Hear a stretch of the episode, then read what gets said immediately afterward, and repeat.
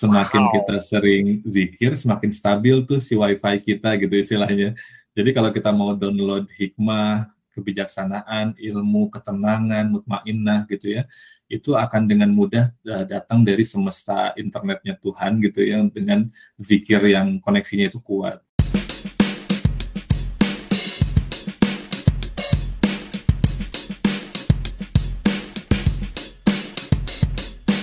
Hello, boys and girls, ladies and gentlemen. Welcome back to Petualangan Stick Brand, di mana kamu akan berpetualang bersamaku, Amran Hasbi Aditya Putra, di dunia yang berkaitan dengan psikologi dan pengembangan diri. Nah, pada kali ini, episode kali ini, kita akan berpetualang di dunia yang uh, berkorelasi mungkin dengan psikologi, tapi kurang lebih lebih uh, bisa aku katakan apa ya, abstrak mungkin, karena kita akan bergulat atau bergelumat dengan ide-ide abstrak lebih tepatnya adalah di bidang uh, filsafat atau filosofi. Nah, kenapa berhubungan dengan psikologi juga karena ya filsafat dan psikologi sama-sama membahas manusia tapi lebih tepatnya setelah zaman Socrates.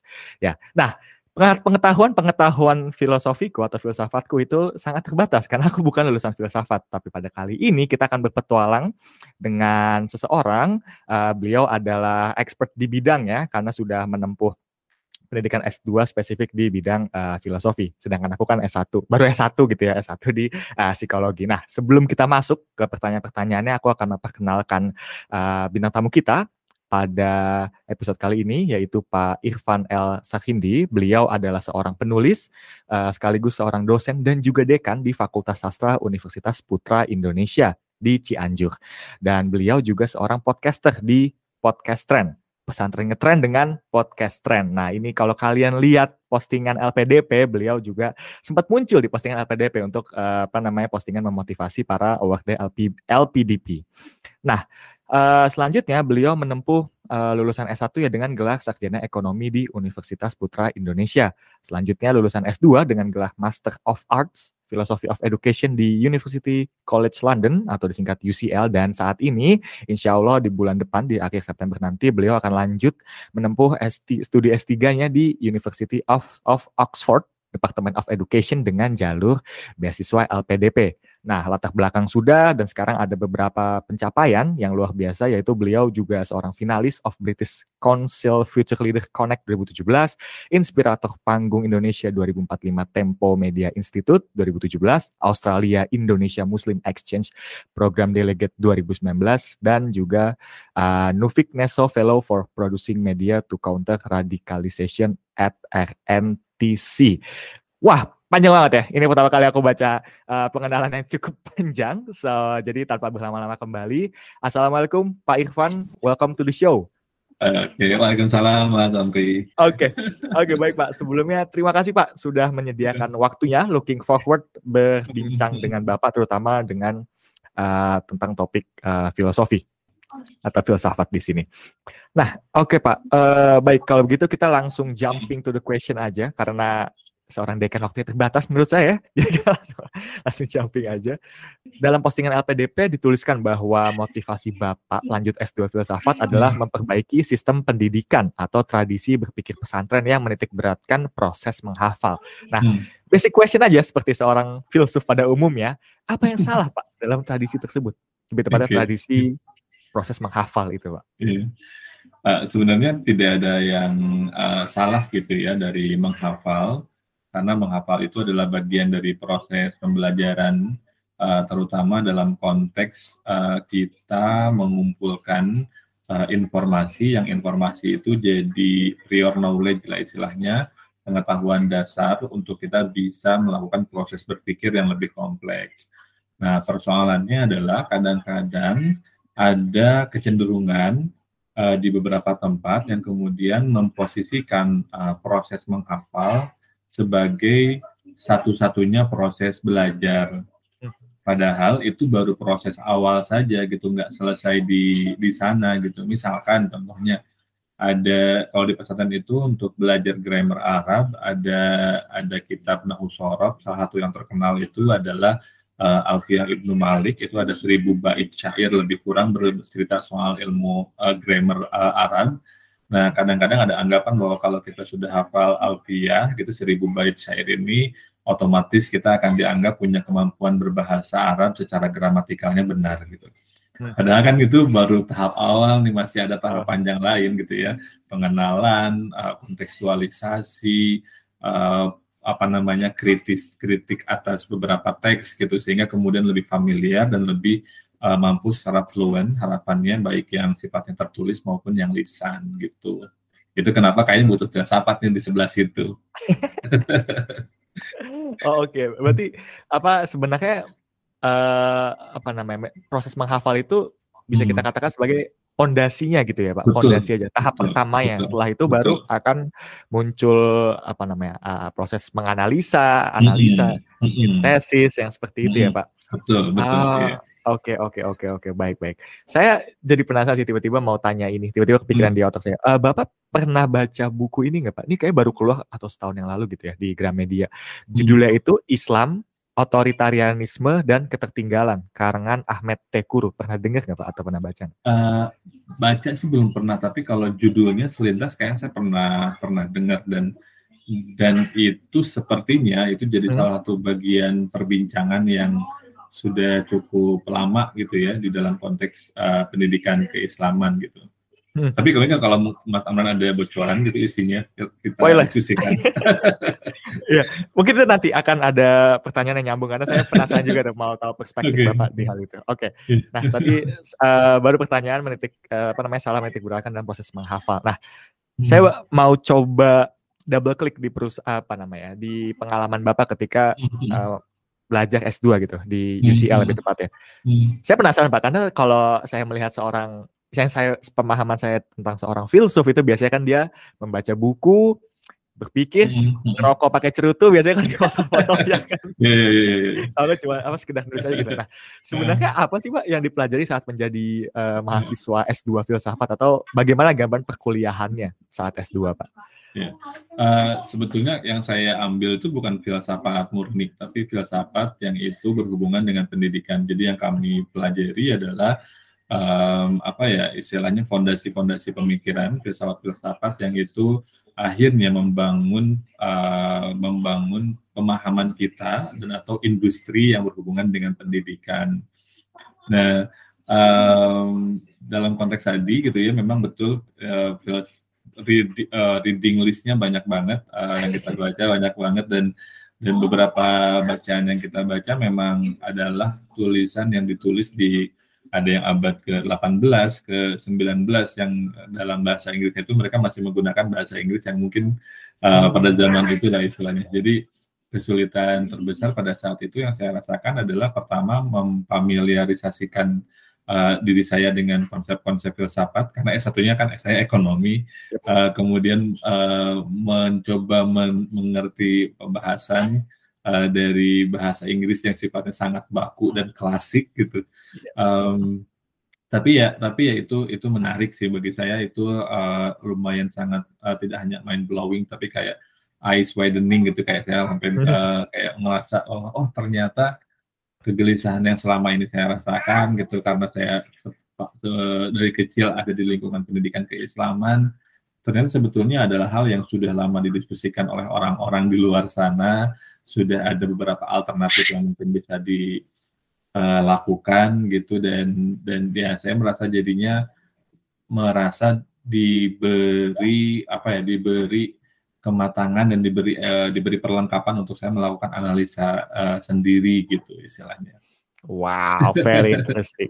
Oh, double click on that, Pak. Uh, tadi bahan bacaan, uh, bahan bacaan yang banyak ya. Berarti kan, sorry, tadi spesifiknya lebih ke filsafat uh, pendidikan. pendidikan ya. Betul, gitu ya. ya. Nah, oke. Okay. Uh, dua pertanyaan. Yang pertama, uh, apakah Bapak masih ingat beberapa tokoh-tokoh penting dalam bidang hmm. filsafat pendidikan yang harus didalami hmm. sebagai mahasiswa? Dan kedua, hmm. apakah ada bacaan utama? Hmm. Ya, misalkan kalau kita, misalkan saya nih yang oke okay, filsafat hmm. pendidikan menarik nih saya mau baca. Ada nggak sih hmm. basic bacaan hmm. yang bisa saya baca?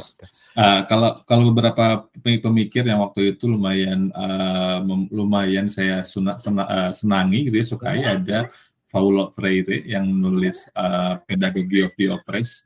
Jadi dia menulis bagaimana sebetulnya pendekatan uh, pendidikan yang terlalu menekankan pada menghafal, yang istilah yang dia sebut sebagai banking pedagogi. Jadi seolah-olah uh, siswa itu adalah apa namanya kayak kompleks kosong yang tinggal diisi informasi gitu ya dari guru yang sifatnya sangat otoritatif gitu di kelas. Um, itu bagi saya juga uh, buku yang sangat bagus dan sangat relevan terutama dengan konteks saya, Paulo Freire. Kemudian ada juga, tapi dia uh, sebagian orang menyebutnya bukan filsuf, uh, ada juga satu orang sosiolog uh, Prancis namanya Pierre Bourdieu. Dia punya teori sosial tentang terkait terkait konstruksi sosial lah istilahnya yang konstruksi sosial itu uh, menurut dia uh, tidak value free. Jadi kayak hmm. uh, ada relasi kuasa antara orang dengan orang, kemudian ada konteks sosioekonomik yang kemudian membuat sesuatu mungkin jadinya ya istilahnya tidak tidak fair enough gitu ya kayak kayak ada privilege yang dinormalisasi dan seterusnya. Nah bagi saya itu dalam konteks masyarakat Indonesia yang yang yang uh, kita beragam, tapi secara jumlah kuantitas juga kan ada mayoritas minoritas, baik secara agama, kultur dan lain sebagainya itu yang dilakukan atau yang diteliti oleh Pierre Bourdieu itu sangat sangat relevan. Kemudian ada Foucault juga. Oh, uh, itu juga Michael Foucault. Michael Foucault betul. Okay. Itu juga menarik sih apa namanya yeah, teori-teorinya. wow, oh my god. dan, dan tentunya berat, berat dalam banyak dalam banyak uh, sense gitu sangat sangat berat. Uh, yang saya yang saya masih ingat itu salah satunya adalah panopticism itu lumayan lumayan bagi saya itu mind blowing juga. Um, terus terakhir ada uh, W um, Dubois, saya lupa nama lengkapnya, tapi beliau ini adalah salah satu uh, filsuf pendidikan yang dia membantu untuk uh, memerdekakan pola pikir uh, masyarakat kulit hitam di Amerika. Jadi pionir uh, pionir salah satu pionir yang memerdekakan uh, istilahnya warga kulit hitam di Amerika sana lah istilahnya secara hmm. pemikiran. Oke, okay, lima toko ya. Kalau saya kepikiran kalau apa yang memerdekakan uh, kulit hmm. hitam di Amerika, Thomas hmm. Sowell, bapak pernah baca nggak? Saya nggak nggak bisa.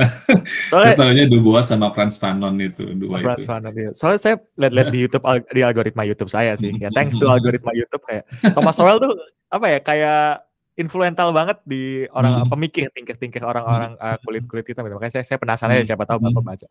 Kalau Foucault, Pak, saya saya penasaran. Saya kaget bahkan Bapak nyebut Foucault gitu loh. Apa yang kalau saya pribadi pas baca Foucault tuh hmm. di an, antara aneh atau bingung atau saya nggak ngerti gitu ya. Tapi kalau dari Bapak pribadi, uh, opini Bapak pribadi ketika baca Foucault apa Pak yang yang yang menurut Bapak tuh bush mind blowing gitu pak. ini mungkin mungkin pertama juga karena karena waktu ketika saya kuliah Foucault ini uh, dia mendapatkan porsi yang cukup uh, besar juga di perkuliahan saya. Uh, mungkin karena memang secara pemikiran waktu itu sedang lumayan populer ya istilahnya ah, uh, filsuf selebriti lah mungkin kayak Nietzsche gitu ya yang yang, uh, yang itu Nietzsche kan kayak uh, mungkin secara pemikiran mendalamnya kita nggak banyak paham tapi kan kayak jargon-jargon yang dia kemukakan itu banyak dipakai kan. Bahkan yang mungkin nggak baca filsafat sama sekali gitu. Nah, nah Foucault menurut saya itu mirip-mirip kayak gitu. Nah, nah tapi kalau yang saya yang saya yang itu juga dan dan kalimatnya memang membingungkan sih Foucault ini. Kalau bagi saya pribadi juga lumayan lumayan dia membingungkan. Tapi yang saya yang saya senangi salah satunya itu adalah panopticism itu yang si Foucault hmm. merasa bahwa kita uh, hidup dan tumbuh dan uh, berproses itu kadang-kadang tidak normal, eh maksudnya tidak alamiah karena kita merasa sedang diawasi oleh sesuatu gitu. Hmm. Jadi dia meng, dia mengkritisi um, ibaratnya dia yang panopticism itu uh, gambarannya adalah ada sebuah uh, sebuah sel tahanan yang sel tahanan itu ada satu ruang kontrol yang isinya sipir penjara yang sipir itu dia bisa ngelihat ke tahanan, tapi si tahanan tidak bisa ngelihat ke sipir. Nah, jadi si tahanan dia akan bersikap di dalam penjara uh, dengan ekspektasi bahwa dia sedang dilihat oleh si sipirnya itu tadi, sehingga mungkin dia akan bersikap tidak alamiah gitu, karena dia ngerasa sedang diawasi uh, gitu. Oh, oh, kayak konsep Tuhan ya maksudnya kita nah, apa gubah-gubah kayak gitu. Nah, itu. Tapi maaf, uh, Foucault itu postmodern kan ya Pak masuknya? Iya betul betul. Ya. Nah ya, ya yang yang bagi saya sih yang, yang menariknya itu ya karena kalau kalau kita kan ngelihat kesadaran diawasi itu memang secara positif ya. Secara hmm. sebagai seorang Muslim kita ngelihat kesadaran diawasi sebagai suatu hal yang positif. Tapi Foucault dia berangkat dari uh, pendapat bahwa diawasi ini bisa sesuatu yang negatif karena bisa dimanfaatkan oleh orang yang punya kekuasaan mengawasi untuk mengontrol perilaku uh, orang-orang uh, yang itu subordinat atau di bawah kekuasaannya dia. Ya mungkin mudahnya kayak uh, novelnya George Orwell lah yang 1984. Ya itu, itu kan orang bergerak ya. ini dengan anggapan di Iya, iya betul betul. Tapi kalau Bapak nyebut George Orwell, apakah Bapak juga baca ini Pak? Udah baca Huxley, Aldous Huxley? Aduh, saya enggak. Saya belum, belum, belum. belum. Itu menurut saya perbandingan yang menarik loh, Pak. Karena ketika oh, itu okay. saya tahu baca kenapa baca dua-dua itu karena pada saat itu nonton podcast terus ada yang bilang ini hmm. karena media sosial ya algoritma segala macam hmm. gitu. Jadi hmm. hmm mereka hmm. seakan-akan mau memprediksi gitu. Uh, ini kita ngarah ke utopianya Orwellian atau hmm. Huxleyan. Hmm. Jadi Aldous Huxley itu yang bukunya yang Brave New World. Nanti kalau penasaran hmm, okay, okay, okay, okay. menurut saya menarik banget sih. Jadi bisa ada sisi otoriter kan kalau George Orwell lebih ke otoritarian ya. Tapi kalau betul. Huxley ini lebih ke uh, kesetaraan, kebebasan, let's say kayak gitu. Tapi hmm. itu nyata ya karena kalau ngomongin utopia kan yeah. gak mungkin gitu ya. Oke, oke. gitu. Menarik oh, okay. Yes, very interesting, very interesting.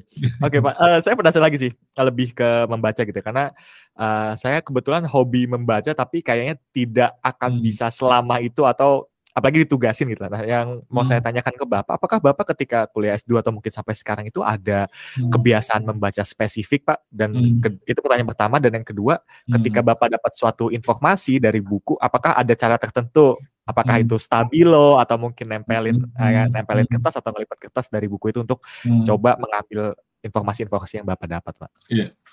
Kalau kebiasaan uh, spesifik sih kelihatannya ini ya kelihatannya nggak nggak ada yang spesifik uh, banget gitu. Tapi memang kalau saya ingat S2 saya uh, waktu S2 saya ngerasa memang apa ya kalau saya waktu itu sampai punya pemikiran bahwa kita kan kadang-kadang kalau berbicara soal surga itu digambarkannya sebagai uh, sebuah tempat yang po penuh dengan pohon, sungainya jernih, bla bla bla segala macam gitu yang uh, itu mungkin bisa berhubungan juga dengan dengan psikologi masyarakat Arab yang memang hidup di, di gurun gitu ya.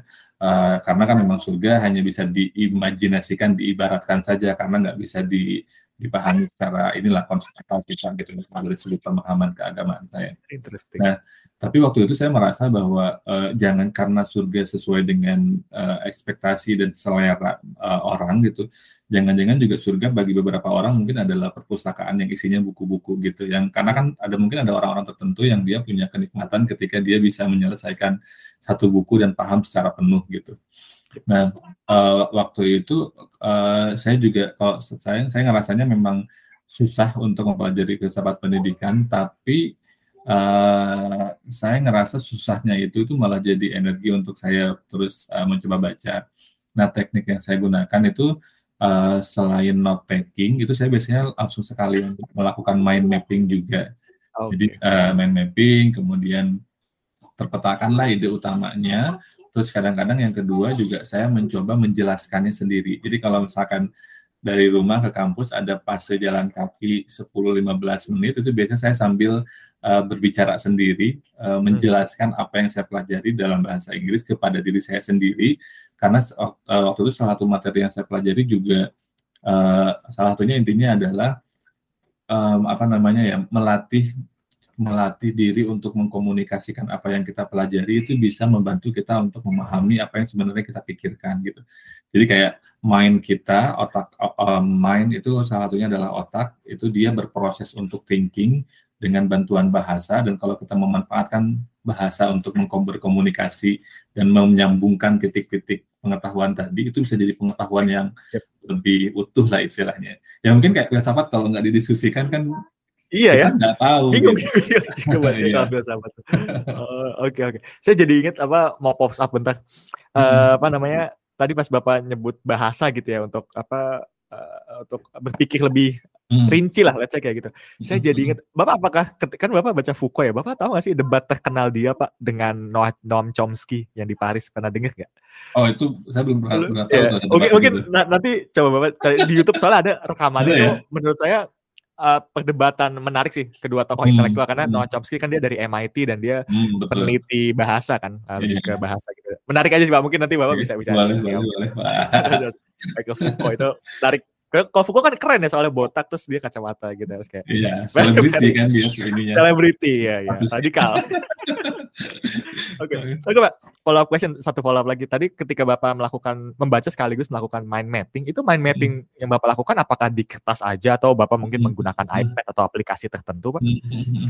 untuk kalau aja. waktu waktu itu sih saya masih masih masih ini ya masih yang sifatnya konvensional tradisional oh. yang menggunakan uh, kertas gitu ya minusnya adalah akhirnya ya banyak kertasnya yang kemudian nggak bisa terdokumentasikan dengan uh, dengan baik gitu tetapi bagi saya sih saya selalu meyakini bahwa uh, terlepas dari bahwa tulisan itu uh, mind mappingnya hilang tapi proses kita untuk melakukan mind mapping memetakan pikiran kita itu itu lumayan bersumbangsi lebih cepat sih karena kalau kalau baca itu kan ibarat kita menyusuri hutan ya. Kadang-kadang kalau kita nggak memetakan pos-pos jejak kita, kita akhirnya kehilangan kehilangan kesadaran dan kemampuan untuk mengidentifikasi kita sudah ada di mana gitu. Hmm. Atau mungkin terdistraksi dengan pemandangan di sekitar sehingga lupa tujuan awalnya kita mau ke mana. Tapi kalau kita punya ancang-ancang di beberapa tempat dengan menggunakan mind mapping, kita tinggal go deep aja ke detail, tapi kita tahu gambaran ide-ide besarnya uh, apa aja tinggal nanti kita memperkuat di detailingnya. Ini kan biasanya detailing kan susah. Kalau kita fondasi besarnya aja sudah susah gitu nggak diperkuat dengan mind mapping itu akan tambah susah lagi sih untuk detailing sih biasanya Oke, okay, very interesting, very interesting perspektif. Membaca seperti menyusuri hutan. Wow, itu analogi yang bagus. Saya pikir, oh iya benar juga ya, benar juga. Oke Pak, random question satu Pak. Bapak, uh, menurut Bapak selama baca nih, selama membaca, hmm. apakah Bapak tim yang cenderung ke buku fisik atau buku elektronik Aduh. Pak? Ini bakal ada perpecahan buat yang denger nih. hmm, oh ya, aduh. Uh, kelihatannya ya, kelihatannya saya kalau untuk kebutuhan kalau mau baca buku elektronik saya butuh untuk uh, biasanya ketika mengerjakan tugas atau sedang menulis yang sifatnya ilmiah dan biasanya butuh beberapa layar sekaligus gitu istilahnya. Uh, jadi kalau misalkan membaca dengan tujuan untuk menikmati bacaan sih saya masih milih yang buku fisik sih. Tapi kalau untuk tulisan ilmiah yang digital itu kadang-kadang terasa lebih helpful karena kan kita nggak perlu bawa buku yang banyak ke mana-mana gitu istilahnya. Yap, yap, yap, yap, yap. Oke, cash close semuanya. Oke, buku fisik menang emang. Emang saya juga sampai sekarang pun masih suka buku fisik dengan fisik, ya? apa gerak apa ya sentuhannya, baunya terus kayak hmm. lebih lebih lebih lebih kepala apa ya? Apalagi kalau baca novel-novel fiktif hmm. gitu ya. Lagi hmm. saya kemarin juga baru selesai baca Dunia Shopee itu terkenal hmm. banget ya Dunia Shopee saya saya juga kaget loh kok saya baru nemu buku ini baru baca. Dan sih bagus banget saya langsung bisa bagus oh iya. dari Socrates sampai ke Freud ingat saya yeah. ya, oke. okay. Iya kan ya? Tapi bang baca baca ini nggak pak? Buku pengarangnya pengarang Dunia Shopee cuma buku yang lain Joseph Gardner ya singkat saya namanya. Iya iya. Baca uh, buku dia lain saya baca ini Misteri Soliter uh, oh. terus uh, apa ya Maya Maya gitu uh, saya lupa judul lengkapnya itu juga itu juga oke okay banget tuh uh, misteri soliter juga bagi sebagian orang itu katanya lebih lebih kompleks dan lebih filosofis ketimbang uh, dunia Shopee. Terus ada juga perpustakaan Bibi May kalau nggak salah. Itu juga cerita soal hmm. ya mungkin itu kerasa banget sih kecintaan seorang filsuf terhadap buku digambarkan dengan perpustakaan oh, uh, okay. yang itu sangat ya karena kita kan nggak kayak kadang-kadang ya filsuf salah satu ini kan mereka senang baca ya maksudnya yep, yep. kayaknya nggak ada nih filsuf yang dia nggak senang baca nggak senang baca ya, ya. iya iya benar benar jadi buku-buku yang bapak baca tadi itu juga berbicara tentang sejarah filsafat kah pak atau hmm. itu membahas hal yang lain pak uh, saya saya lupa detailnya apa tapi memang itu sangat sangat fil, uh, filosofis jadi kalau misalkan ada yang senang filsafat tapi nggak mau baca yang teoritis ribet dan berat uh, Misteri Soliter, Perpustakaan Bibi May, Dunia Sophie itu buku-buku yang uh, recommended sih. Yang saya ingat itu salah satu uh, kata yang dilontarkan uh, oleh si penulis uh, itu adalah um, manusia selalu melihat ke langit karena merasa di langit uh, ada banyak hal yang membuat dia merasa takjub. Padahal sebetulnya hal yang paling menakjubkan itu bukan ada di langit, tapi di dalam diri manusia itu sendiri katanya gitu. Uh. Dan itu kan lumayan deep banget ya kayak yeah, ya kita kan kayak semesta yang rahasianya sebenarnya kan belum belum selesai kita gali kan ya secara personal maupun secara kolektif gitu itu ini sih. Wow, very interesting. Oke, okay, nanti akan saya tabung dulu nanti saya beli buku ya.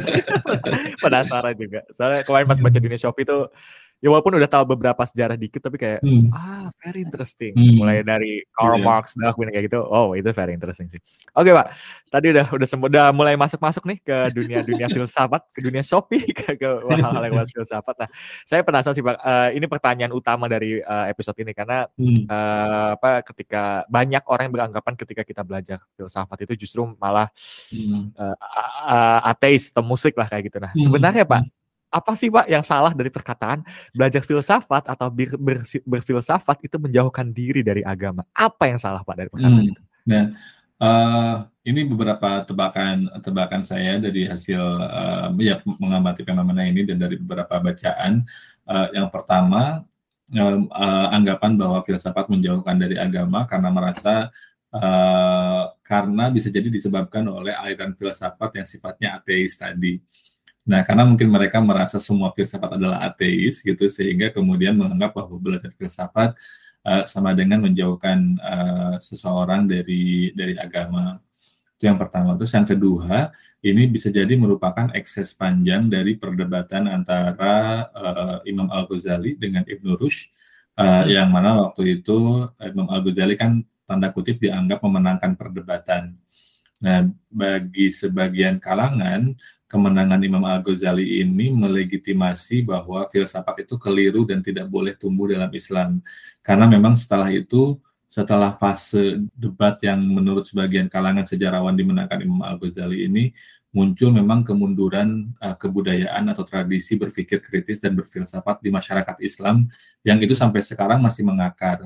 Dan kalau misalkan uh, sama melihat juga kan Ibnu Rushd, uh, Ibnu Sina dan beberapa filsuf muslim itu kan dianggap uh, apa ya tidak tidak Islam lagi lah gitu.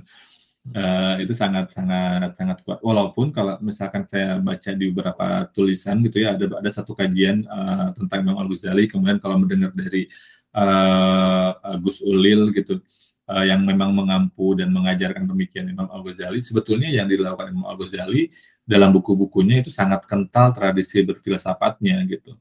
Dan yang beliau kritisi bukan filsafatnya, tapi memang sebagian produksi pemikiran filsafatnya Ibnu Rushd yang menurut uh, pemikiran filsafatnya Imam Al-Ghazali itu keliru gitu. Hmm. Nah, ini kita masih susah memilah nih hmm. dianggapnya Imam Al-Ghazali mengkritik filsafat padahal yang dikritik adalah produk filsafat dari Ibnu Rushd. Ya mungkin sama aja mirip-mirip dengan tadi yang uh, Noam Chomsky berdebat dengan Foucault. Yep bukan berarti yang satu anti filsafat gitu. Dua-duanya berangkat dari semangat dan uh, standpoint filsafat uh, yang mungkin berbeda sehingga produknya berbeda dan di, di. Nah, itu sebetulnya adalah harusnya adalah tradisi yang kita rayakan gitu perdebatan eh, antara Imam Al Ghazali dengan Ibnu Rushd dengan perdebatan yang produktif menghasilkan pemikiran gitu. Yang inilah yang kemudian uh, ya akhirnya sebagian kalangan menyalahkan Imam Al Ghazali atas atas kemunduran Islam karena mundurnya tradisi berfilsafat gitu istilahnya. Padahal ya ya ini apa ya mungkin ekses tidak terduga dari spektator hmm. yang melihat perdebatan dua filsuf besar di uh, zaman itu. Dan ini salah satunya ditulis juga oleh Tamim Al-Ansori, salah satu penulis sejarawan muslim juga. Beliau juga mencatat apa namanya penurunan ini. Ya, dan uh, ketip, uh, uh, alasan ketiganya kenapa filsafat dianggap dianggap bertentangan dengan agama karena belakangan ini dalam konteks berislam muncul tradisi berpikir yang tekstualis, tekstualis dan dogmatis gitu. Dan mereka karena sifatnya tekstualis dogmatis, uh, mereka sangat takut pada cara berpikir muslim yang terlalu kritis karena mungkin dianggap akan mencederai uh, kebenaran tekstualis yang mereka yakini atau dogma yang mereka coba ajarkan uh, secara dogmatis tanpa tanpa ada proses berpikir gitu.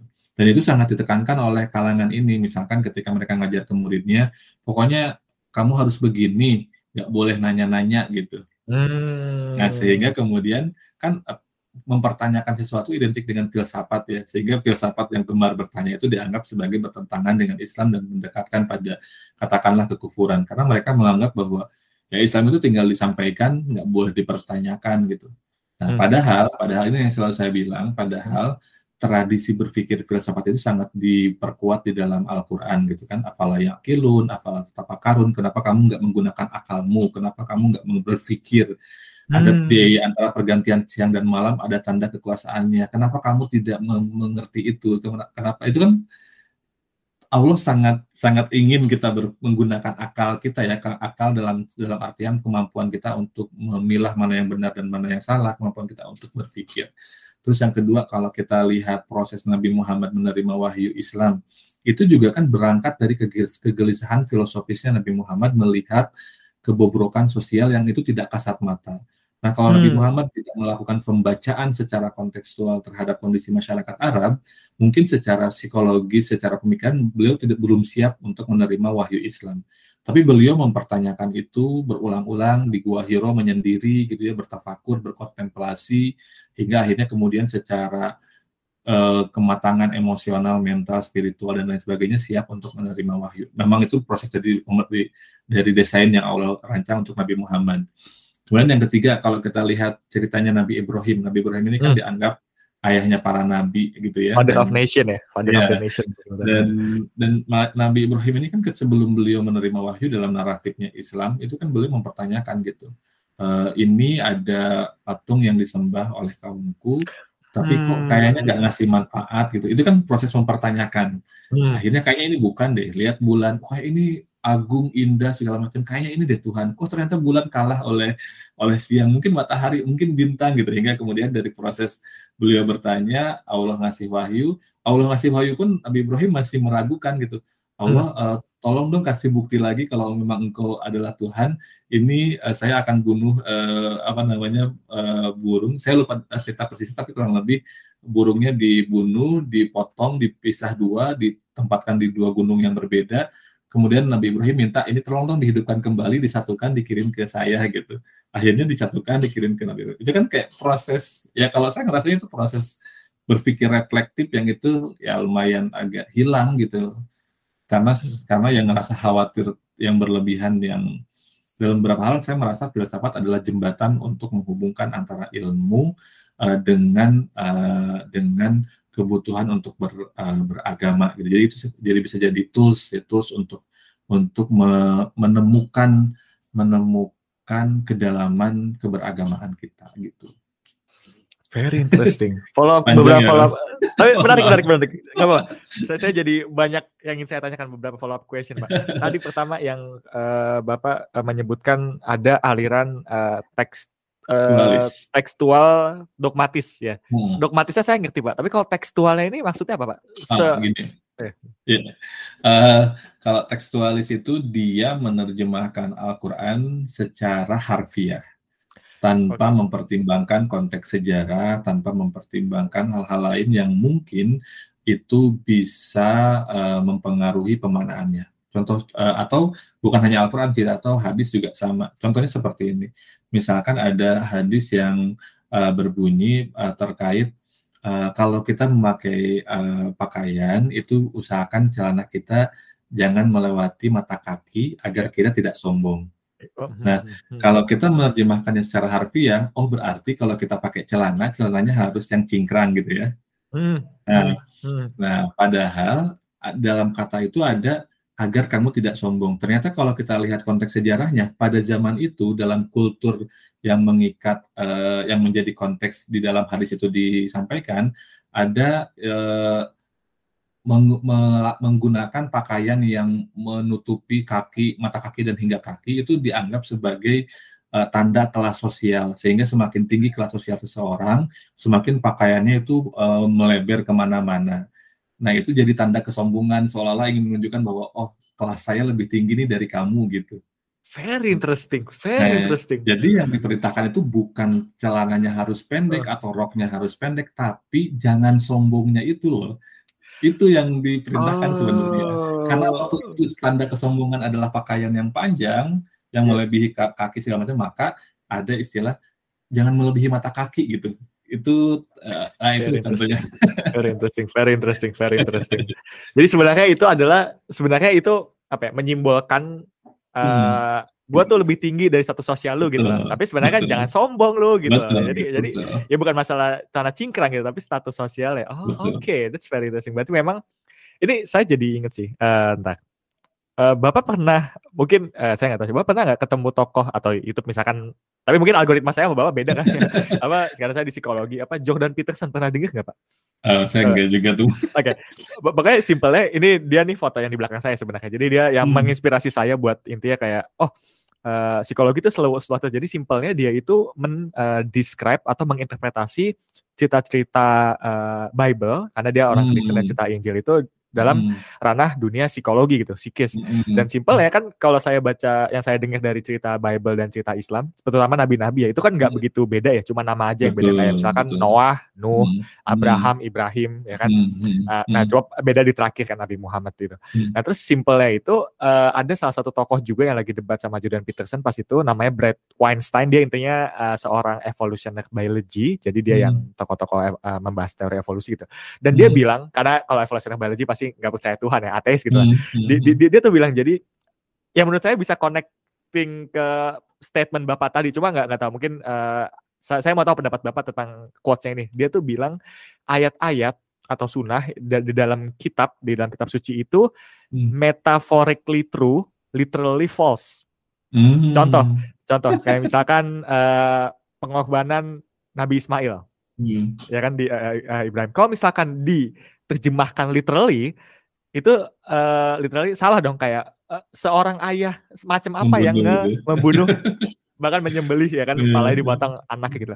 Tapi secara metaphorically yang ditemukan Jordan Peterson adalah oke, okay, secara metaphorically, secara psychologically Ibrahim ini adalah hal yang sangat diinginkan uh, eh sorry, Ismail, Ismail. ini adalah sangat yang uh, hal yang sangat diinginkan Ibrahim ya kan berarti kayak hmm. the star uh, hmm impiannya gitu loh dan hmm. akhirnya dia dapat tapi untuk membuktikan imannya kepada Allah hmm. Subhanahu wa taala dia harus mengorbankan itu apakah willing atau hmm. enggak gitu loh kalau hmm. Kierkegaard bakal bilang leap of faith ya kan karena nggak tahu kepastiannya tapi karena perintah dari Tuhan maka dia lakukan itu dan akhirnya dilakukan jadi uh, untuk sekarang itu salah satu contoh metaphorically true hmm. literally false hmm. apa yang bapak uh, tangkap opini bapak yeah, terkait yeah, yeah. statement itu Ya, kalau kalau di di dalam di dalam Islam sih ya, setahu saya dalam konteks Al-Qur'an uh, itu kalau kalau pegangan yang saya yakini adalah bahwa Al-Qur'an punya kebenarannya sendiri yang kita tidak punya tidak tidak punya kapasitas untuk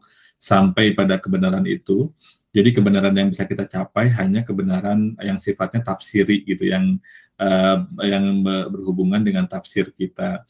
Nah, tapi Uh, saya juga meyakini betul. Nah, kalau dalam Al-Quran itu memang ada beberapa ayat, karena kan Al-Quran diturunkannya secara ini ya bertahap ya. Berhasil. Jadi memang ada beberapa ayat yang itu sifatnya hukum, ada ayat yang sifatnya bercerita gitu.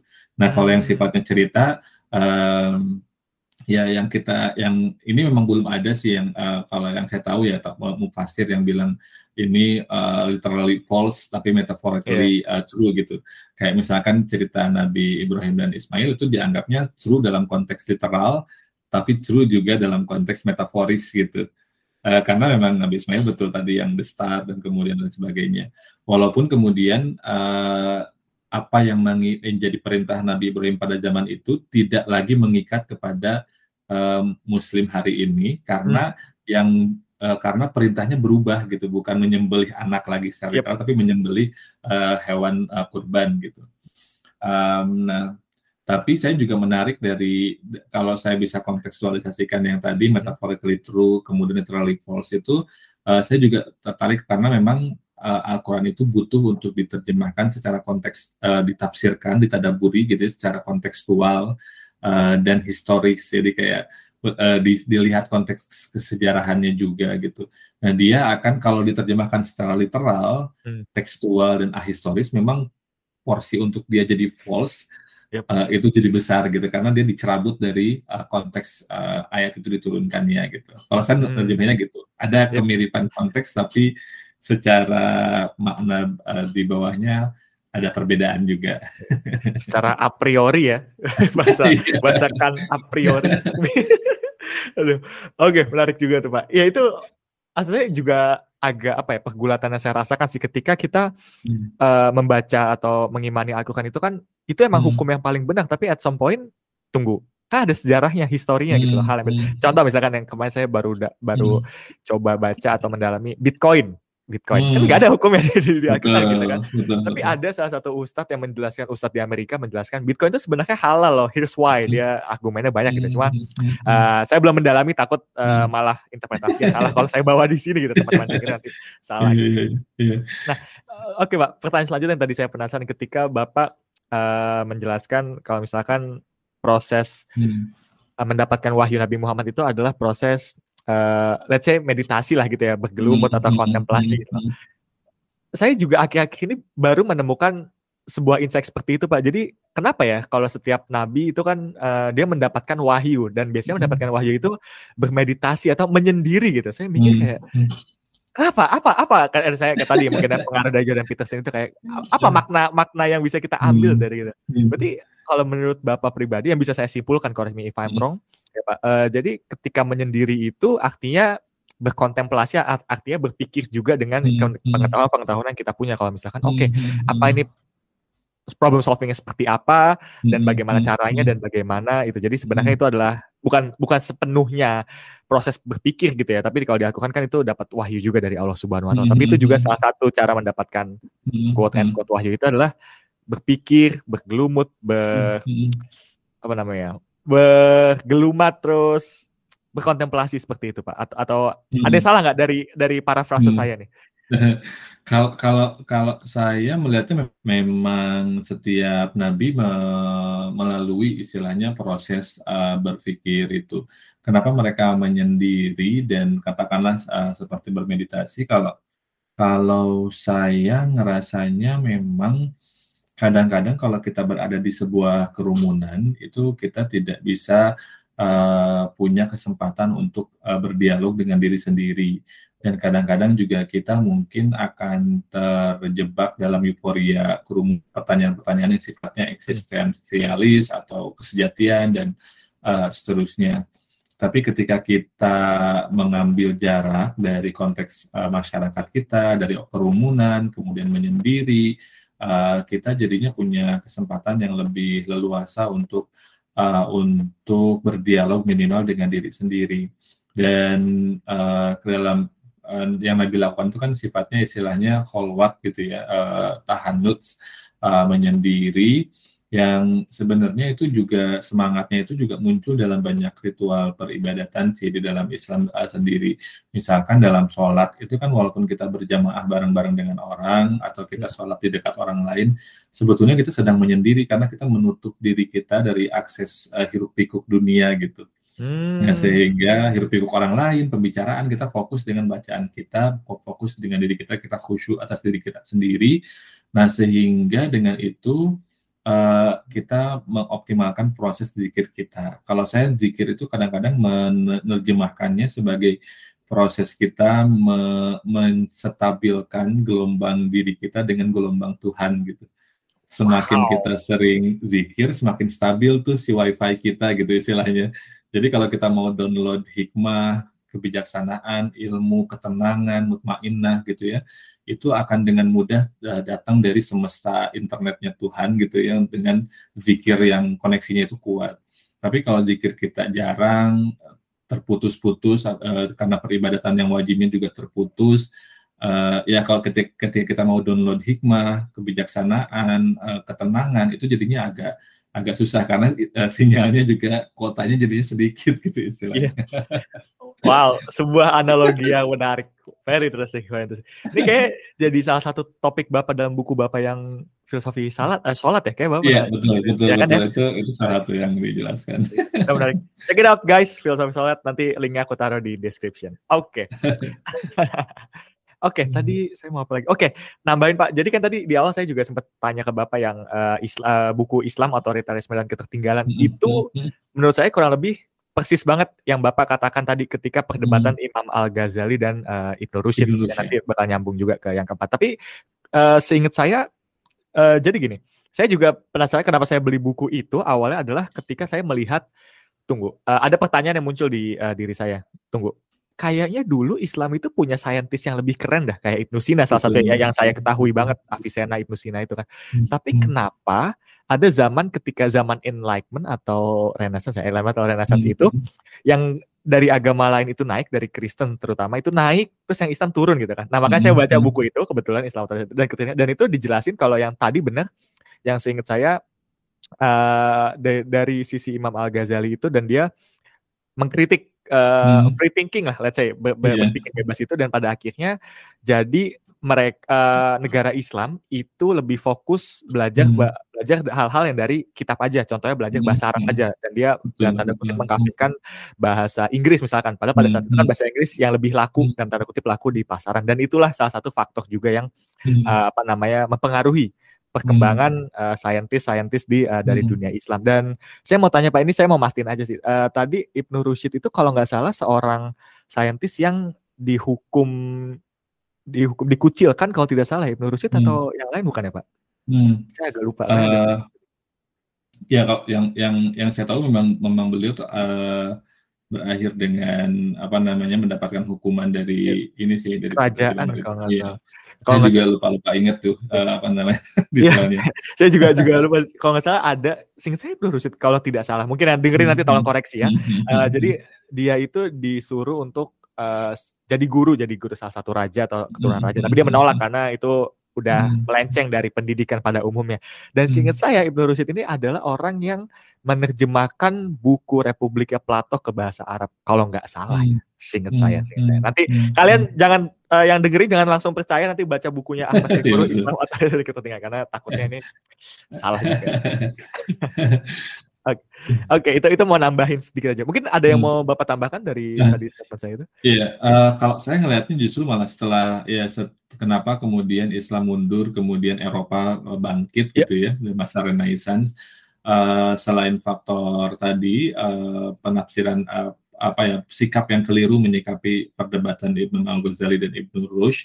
Uh, yang kedua adalah karena uh, waktu itu ada semacam kemarahan uh, di dalam diri masyarakat Timur Tengah uh, secara umum gitu ya karena mereka ngerasa bahwa ketika mereka berjaya Eropa itu dalam adalah negara atau benua yang tidak ada apa-apanya hmm. yang istilahnya sangat tertinggal loh kok tiba-tiba dengan ilmu sedikit yang dipercikan oleh ilmuwan-ilmuwan Islam sekarang mereka bangkit jadi benua besar di saat yang sama Timur Tengah negara Islam itu terlibat dalam perang saudara yang nggak ada habis-habisnya yep. ketika mereka jatuh karena perang saudara Eropa maju Eropa menginvasi Timur Tengah uh, sedemikian rupa sehingga mereka menolak untuk berbahasa Inggris karena merasa pride-nya mereka diinjak-injak oleh negara yang dulunya itu bukan apa-apa gitu. Ya, ya, ya. Nah, ini yang kemudian akhirnya makanya ken kenapa nasionalisme bagi kalangan transnasionalis yang asalnya Timur Tengah gitu ya, yang uh, yang ekstrim-ekstrim gitu, Islam ekstrim di Timur Tengah itu dianggap sebagai sesuatu yang uh, dimusuhi bawaan Barat karena nasionalisme yang dijejalkan kepada Timur Tengah itu memang didesain secara politis dan paksa oleh uh, penjajah dari Eropa. Kalau di kita kan hmm. nasionalisme tumbuh sebagai hal yang organik dari bawah, kesadaran bersama mencintai bangsa gitu istilahnya. Kalau di sana dipaksakan karena mereka ngerasa satu bangsa yang sama Timur Tengah loh kok kenapa jadi ada Mesir, Jordania, Arab iya. Saudi, iya. yang satu didukung Prancis, yang satu didukung Inggris, bla bla bla ah. sedemikian rupa di, diperadukan antara suku satu dengan suku yang lain padahal sama-sama berbahasa Arab, satu suku yang sama, suku besar yang sama. Nah itu akhirnya kemudian mereka sangat marah terhadap Eropa dan menolak untuk berbahasa Inggris tadi mungkin yeah, yeah. dalam okay. bahasa, beberapa fase lah istilahnya fase periode periode. Hmm, ya, Juga saya mau nambahin dikit mungkin buat uh, apa ngasih konteks juga buat para pendengar ya nanti hmm. apa menurut saya menarik juga. Uh, hmm. Jadi pada saat itu seingat saya pada za zaman Eropa itu turun itu kayak disebutnya dark age ingat saya deh. Betul, dark age, ya kan betul, ya. betul, betul, kenapa betul. mereka masuk ke tahap selanjutnya yang apa berkembang banget itu karena hmm Gutenberg Revolution ya, yang mesin cetak singkat saya. Jadi itu juga hmm. menandakan uh, perkembangan apa ya uh, distribusi ya hmm. tafsiran, Tafsir, uh, betul, betul. buku gitu jadi lebih lebih hmm. gini gitu sih. Ya, very interesting. Pokoknya teman-teman yang dengar itu kayak dibahas semua di Ahmed Tekur itu nanti baca juga ya teman-teman ya. Jangan jadi telan mentah-mentah gitu. Oke, Pak. Uh, saya mau uh, jumping to the next question nih. Karena tadi udah ngomongin filsafat juga. Saya penasaran sih apakah mungkin ini sebenarnya nggak boleh sih ya ada tokoh filsafat favorit atau enggak, tapi ya saya akan tanyakan apa pun yang terjadi lah pokoknya. Dari Pak iya. Irfan sendiri ada nggak Pak uh, tokoh filsafat favorit gitu? Kalau ada bisa dijelaskan mungkin alasannya kenapa memilih tokoh tersebut apa ya siapa ya kalau yang ya kalau tokoh filsafat yang saya terekspos banyak pemikirannya ketika kuliah yang tadi itu kayak hmm. uh, Dubois, Pierre Bourdieu, Foucault, kemudian uh, dulu saya juga suka Nietzsche. Uh, oh. Nah, saya malah malah ya, makanya kalau yang filsafat saya lumayan agak lumayan agak ada beberapa lah yang tapi yang nggak sampai yang dalam ngefansnya banget gitu kayak yang uh, dalam beberapa hal karena ngerasa pemikirannya bagus dan cocok dan beberapa hal yang lain karena memang pemikirannya saya gunakan untuk untuk tulisan-tulisan ilmiah yang saya lakukan gitu. Saya malah mungkin kalau berbicara soal tokoh justru malah munculnya tokoh yang sifatnya sufisme gitu. Uh, itu uh, saya, tokoh tokoh sufisme yang saya kagumi itu adalah uh, Rumi. Rumi. Ya, yeah, of course, of course. Itu, sih, itu sih kalau yang yang filsafat ya ada beberapa banyak yang ini aja. Oke, okay, Pak. Follow up question, simple. Kenapa tadi ada muncul nama Nietzsche dan Rumi gitu? Uh, apa yang membuat uh, kedua nama apa tokoh ini hmm. jadi favorit Bapak lah gitu? M mungkin pertama karena saya penulis, jadi kayak beberapa dalam hmm. beberapa hal juga pemikiran dan kegelisahan dituangkan dalam bentuk uh, produk sastra lah istilahnya puisi gitu dan Rumi dan Nietzsche ini kan juga mereka menulis puisi yang uh, meluap untuk dalam beberapa hal ya dalam untuk meluapkan apa yang mereka uh, pikirkan. Jadi ketika saya baca Nietzsche misalkan uh, tulisan-tulisannya dia sebetulnya beliau juga mungkin merasakan kegelisahan uh, yang yang sama gitu yang diekspresikan secara puitik gitu. Uh, Rumi juga kan uh, sama kegelisahannya sifatnya juga filosofis dan spiritual dan itu dituangkan di dalam di dalam bait-bait syair yang istilahnya sangat sangat mempengaruhi uh, sangat inilah sangat sangat sedih gitu sangat romansa yang romansanya itu tidak lagi antara individu dengan individu sih tapi antara uh, hamba dengan Tuhannya gitu ya pencinta dengan kekasih hmm. maha akbar gitu istilahnya yeah, keren. jadi itu yang lumayan jadi konstruksi ini sih saya dalam mengekspresikan kegelisahan atau apa apa uh, angs angs ya kecemasan eksistensial. Ya, ya, angs itu. oh, oh, oh, jadi penasaran nih kalau ngomongin Nietzsche nggak afdol kalau nggak nanya uh, quotes-nya ini Pak. Menurut Bapak quotes Nietzsche God is dead. What does it ya? mean, Pak? Uh, Karena okay. kadang banyak interpretasi yang salah nih orang bilang, "Uh, God is dead guys," tapi apa Pak kalau dari Bapak? God is dead. Kalau kalau kalau saya yang saya terima dan yang saya baca terkait God is dead itu adalah sebetulnya dan ini relevan dengan kondisi hari ini adalah kritik atas orang-orang berjubah agama yang menjual uh, Tuhan, menjual agama untuk keuntungan pribadinya sih. Makanya Nietzsche bilang secara sarkas Tuhan telah mati dan dia dibunuh oleh orang-orang berjubah agama yang hmm. mengambil keuntungan ekonomis uh, dengan dalih-dalih istilahnya manipulasi ayat lah. Nah, dan mungkin ini relevan dengan hari ini karena ya kita melihat juga gitu ya ada orang-orang yep. berjubah agama jualan untuk politik gitu ya. Uh, 2019 kemarin panas banget, 2017 2019 lah panas yep. banget. Uh, atau juga ada yang keuntung, uh, keuntungan ekonomis misalkan yang kemarin lagi ramai gitu. Uh, ada ada Gus dengan pesulap merah gitu. Itu kan juga istilahnya ya mungkin dalam konteks itulah itu. Tuhannya ya tidak mati tapi dalam konteks ini perilaku kita yang hmm. yang sangat sangat sangat tidak beragama dan sangat mungkin tidak tidak takut lagi pada Tuhan intinya itu mungkin yep, yep, yep, kita yep. harusnya jadi orang yang paling takut pada Tuhan karena orang yang istilahnya kredibel dalam beragama tapi kok malah menjual agama itu padahal kita yang harusnya jadi kaki tangan Tuhan dalam tanda kutip malah jadi orang yang membunuh gitu. Ah, I see. Itu mungkin very, yang saya pahami. Ya, yeah, yeah, very interesting. Very interesting. Apa perspektif sebagai sebuah sarkasme ya. Iya. Karena banyak kan orang bilang, misalkan seorang ateis nih biasanya yang saya ketemui di kuliah saya dulu. Dengan aja kata Nietzsche, God is dead. Terus pas saya baca, ya itu God is dead satu kata doang men sebenarnya kan satu kalimatnya itu adalah God is dead terus siapa yang akan menggantikan dia ketika yang paling suci setelah mati yang kayak gitu gitu lah intinya tapi yeah, yeah. that's very interesting perspektif dari dari uh, Pak Ivan nah oke okay, Pak karena kita sudah ada di track ini sudah ada di track Nietzsche filsuf eksistensialis mungkin ini adalah pertanyaan yang menurut saya kalau ngomongin filsafat nih gak afdol kalau tidak menanyakan ini ketika membahas hmm. filsafat gitu Menurut Bapak uh, Bapak sendiri, what's the meaning of life, Pak? Apa makna hidup? Oh, uh, ini ya. berat ya. Uh, saya kalau saya sih ngerasa makna hidup itu untuk untuk yang pertama memang hidup uh, life is struggle gitu kan. Jadi ya struggle apa pun lah ya, physically, emotionally kita uh, struggle dalam proses untuk hidup dan bertumbuh dan menjalani kehidupan ini. Uh, itu yang pertama. Yang kedua, hidup sepertinya adalah um, apa ya jeda untuk kita uh, untuk kita melaksanakan uh, oh sorry bukan jeda uh, hidup adalah perjalanan gitu. Jadi kayak uh, saya ini juga terinspirasi dari, Rumi. Jadi Rumi mengibaratkan kita ini seperti seruling yang tercerabut dari bambu tempat dia berasal. Kemudian seluruh ekspresi kita ini adalah bebunyian uh, seruling yang merindukan untuk mengembali kepada muasalnya gitu. Nah, saya menerjemahkan kerinduan uh, ekspresi kerinduan itu adalah adalah juga upaya kita untuk menjawab kepercayaannya Tuhan kepada kita gitu kayak ada purposis tertentu yang tanda bahwa kita masih hidup mungkin purposis itu belum sempat kita tuntaskan atau uh, atau Tuhan masih percaya bahwa kita mampu menuntaskan uh, kepercayaan yang beliau embankan kepada kita. Mungkin mirip dengan inilah dengan pemain sepak bola yang uh, kalau dia masih main di lapangan, tandanya pelatihnya masih percaya dia mampu menjalankan fungsi perannya. Atau hmm. yang kedua waktu pertandingannya memang belum selesai gitu. Uh, dan menariknya dalam hidup adalah bahwa posisi ini memang harus kita identifikasi dan dan uh, temukan sih uh, apa namanya uh, live call mungkin misi atau apa pun gitu yep, yep. itu sih Kenian sekali ya Pak Irfan ya, ya Pak Uberman seseorang yang membuat nilainya sendiri meaning of life sendiri Oke, okay, very interesting, very interesting. Oke, okay, uh, Pak Irfan, itu adalah lima pertanyaan uh, untuk membahas episode ini. Sekali lagi terima kasih uh, Pak Irfan sudah meluangkan waktunya.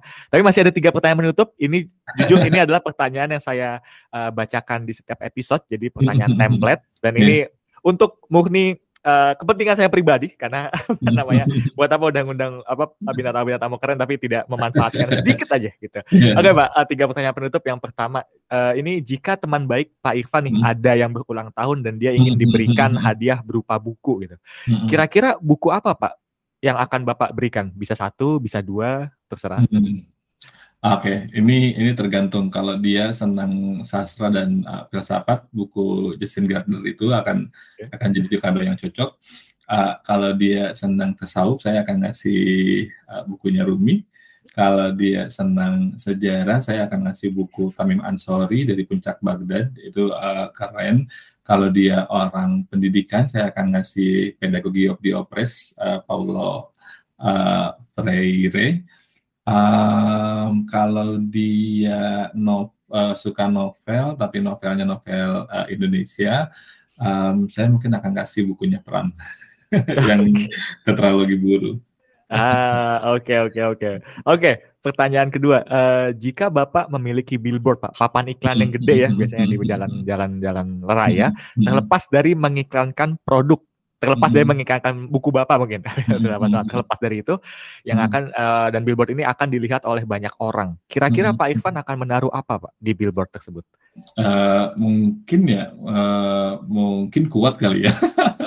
Boleh bebas uh, punya bapak soalnya. kuat, kuatnya mungkin kalau uh, saya ada, ada dua sih yang biasa yang biasa saya gunakan juga untuk diri saya pribadi. Yang pertama kalau hidup adalah perjalanan uh, penting bagi kita untuk selalu bertanya uh, di halte mana kita sekarang dan ke mana kita akan menuju. Uh, itu yang pertama. Yang kedua, uh, perjalanan uh, paling jauh itu kadang-kadang dimaksudkan untuk menemukan kembali hal-hal yang terlupakan atau hilang di tempat-tempat yang paling dekat. Oh, Rumi, Rumi, efek Rumi, efek Rumi. wow, very interesting, very poetic, poetically banget. Oke, oke, oke, oke, oke, that's cool, that's cool. Oke, pertanyaan terakhir nih Pak bagi para audiens mungkin uh, yang nanti penasaran ketika dengar ini, wah Pak Ivan menarik juga nih untuk di follow, untuk di catching up atau mungkin untuk ditanya-tanyakan melalui DM atau mungkin nanti uh, untuk didengar podcastnya itu kira-kira mana tempat terbaik bagi orang-orang yang ingin menghubungi Pak Ivan? Uh, saya aktif di Instagram at Irfan Sarhindi. Uh, terus kemudian saya mengelola podcast at Podcast Trend. Instagramnya ada. Terus uh, kalau mau dengar podcastnya di Anchor, uh, Spotify, Google Podcast, dan di uh, YouTube juga uh, ada. Terus di channel YouTube pribadi saya juga saya ada beberapa anu, bikin konten-konten yang uh, sifatnya untuk kebutuhan asalnya untuk kebutuhan ngajar di kampus. Jadi masih yang sifatnya ekonomi gitu ya dan manajemen. Tapi nanti rencananya saya akan juga buat untuk yang sifatnya ke uh, filsafat uh, pendidikan gitu. Jadi hitung-hitung ngerangkum apa yang saya pelajari. Jadi boleh dicek di Instagram dan uh, YouTube Irfan El Sarhindi atau Irfan Sarhindi dan podcast Itu sih paling. Oke, okay, baik. Terima kasih Pak. Buat teman-teman tadi yang dengar uh, Instagramnya, YouTube-nya Pak Irfan, atau mungkin mm -hmm. tadi dengar referensi buku yang begitu banyak tadi ya. Tenang teman-teman, nanti semuanya itu akan aku taruh di link notes, show notes di description. Jadi nanti misalkan kalian klik video ini atau podcast ini nanti ketika misalkan ada uh, bullet pointnya dunia Shopee misalkan, nanti kan hmm. tinggal klik tulisannya dan nanti akan muncul ke link entah itu Gramedia atau mungkin Tokopedia hmm. gitu untuk beli hmm. buku itu gitu. Jadi teman-teman tenang karena semua ini akan jadi notes karena aku juga belajar banget dari per, uh, percakapan ini dan ya itu ya. Terima kasih sekali lagi Pak Irfan atas percakapan uh, satu jamnya, pas banget satu jam. Luar biasa saya jadi makin kaya pendidikannya, makin kaya bacaannya dan juga ingin apa namanya uh, ber bukan bermeditasi tadi apa ya berkontemplasi. Berkontemplasi lebih dalam dan semoga mendapatkan wahyu yang lebih baik untuk hidup saya. Karena harus mempertanyakan saya sedang ada di hal mana nih? Karena saya lagi loss loss of loss of arahan nih kayak loss of weight. Biasa pemuda waktu life crisis kayak gitu Oke, okay. baik baik Pak sekali lagi uh, terima kasih dan semoga apa yang kita diskusikan pada episode kali ini bermanfaat dan juga di share, di like dan teman-teman yang mendengarkan juga mendapatkan manfaat seperti saya dan juga uh, Pak Irfan. Amin, terima kasih. Oke, okay, baik sekali lagi terima kasih ya, Pak Irfan. Sehat selalu ya Pak. Ya, terima kasih. Baik. Okay. ya. Ya, baik. Oke, okay, ya. itu semua teman-teman. Terima kasih. As always, hope you love the show. Bye-bye. Peace.